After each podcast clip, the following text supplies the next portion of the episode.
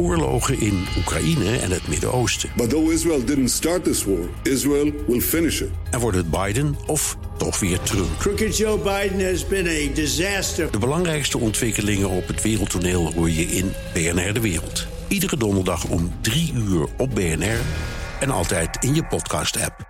Een totaal mislukte verkoop van 100 Volvo's verbindt Zweden onlosmakelijk met Noord-Korea. Moet ik hem nog een keer lezen?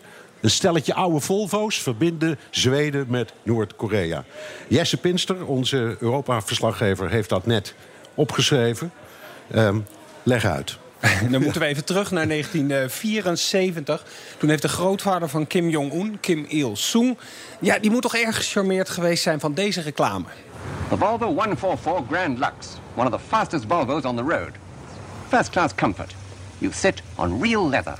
Ja, dus besloot hij om 100 stuks daarvan te kopen... van deze Volvo 144 Grand Lux.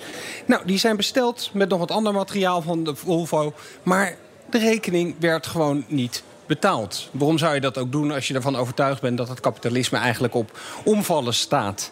Um, dat gebeurde wel vaker. Er werden ook wat Zwitserse horloges besteld. Andere landen dachten, ja, nou, dit geld gaan we echt nooit meer terugkrijgen. Het is inmiddels natuurlijk 43 jaar geleden. In Zweden dachten ze daar iets anders over. Die hebben gewoon ieder jaar, nee, ieder half jaar zelfs... netjes de Noord-Koreanen er nog eens aan herinnerd... dat de rekening wel hard aan het oplopen was met eh, de rente. Want wat Samengestelde interest? Hoeveel? Ja, uh, het, als je het omrekent naar nu... dan hebben ze er destijds zo'n 70 miljoen voor neergelegd. Inmiddels is het opgelopen tot 330 miljoen euro. Ga, lekker, ga lekker zitten. Maakt dat de Zweden een goede bemiddelaar in uh, het conflict met Noord-Korea. Nou, ik zou Want ze zitten er en ze krijgen geld voor ja, Je zou denken dat je dan ruzie hebt, maar in het geval van Noord-Korea zou ik toch willen zeggen dat iedere relatie misschien uh, in ieder geval een klein stapje in de goede richting is. Wat het ook is, al is het de schuld. Daarom, en ze hebben ook een ambassade in, uh, in Noord-Korea, in Pyongyang. En daar zijn ze een van de weinige eigenlijk van de westerse Europese landen. Ze zitten daar in de voormalige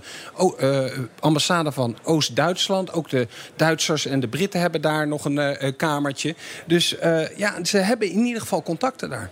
Er zitten dus andere Europese landen. Ik geloof in totaal zeven. Ja. zijn er nou, behalve Zweden misschien, anderen die misschien papieren hebben om te zeggen... wij kunnen iets in de sfeer van bemiddelen, onderhandelen...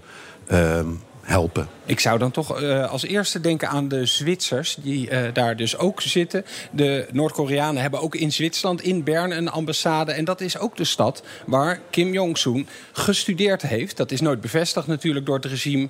Maar uh, er zijn wel Zwitserse buren die zagen hem en zijn broertjes regelmatig basketballen... waar hij helemaal gek op is geweest. Dus dat zou een kandidaat zijn. En verder ja, zijn het vooral Oost-Europese landen die daar nog zitten. Bulgarije, Tsjechië, Polen, Roemenië ja, een beetje een erfenis natuurlijk van de Koude Oorlog nog. We hoorden net al van uh, Rob de Wijk. Nederland heeft ook diplomatieke betrekkingen. Of nee, van Remco in, uh, in het voorgesprek. Gaan we het direct over hebben. Zou Nederland iets kunnen? Of is er enig ander land? Of zijn er al Euro uh, aanbiedingen gedaan door Europese landen? Is er iets van beweging? Nou, nog even Nederland. Ik heb bij Buitenlandse Zaken nog even nagevraagd. Ze hebben inderdaad iemand in Zuid-Korea zitten... die zich met het dossier bezighoudt. En verder gaat het eigenlijk via de Zwitsers. Ze zitten niet daar. En ja, als het gaat om echt bemiddelen daar hoor je de Europeanen nooit over. Maar Rob de Wijk zei het net ook al even. Dat gaat natuurlijk vaak in het geheim. Als je ziet wat er naar buiten komt vanuit de, de Europese Unie... dan gaat het vooral over het aanscherpen van sancties en oproepen... om toch maar zijn einde te maken aan dat hele nucleaire programma. Anderhalve week geleden zijn de sancties nog aangescherpt.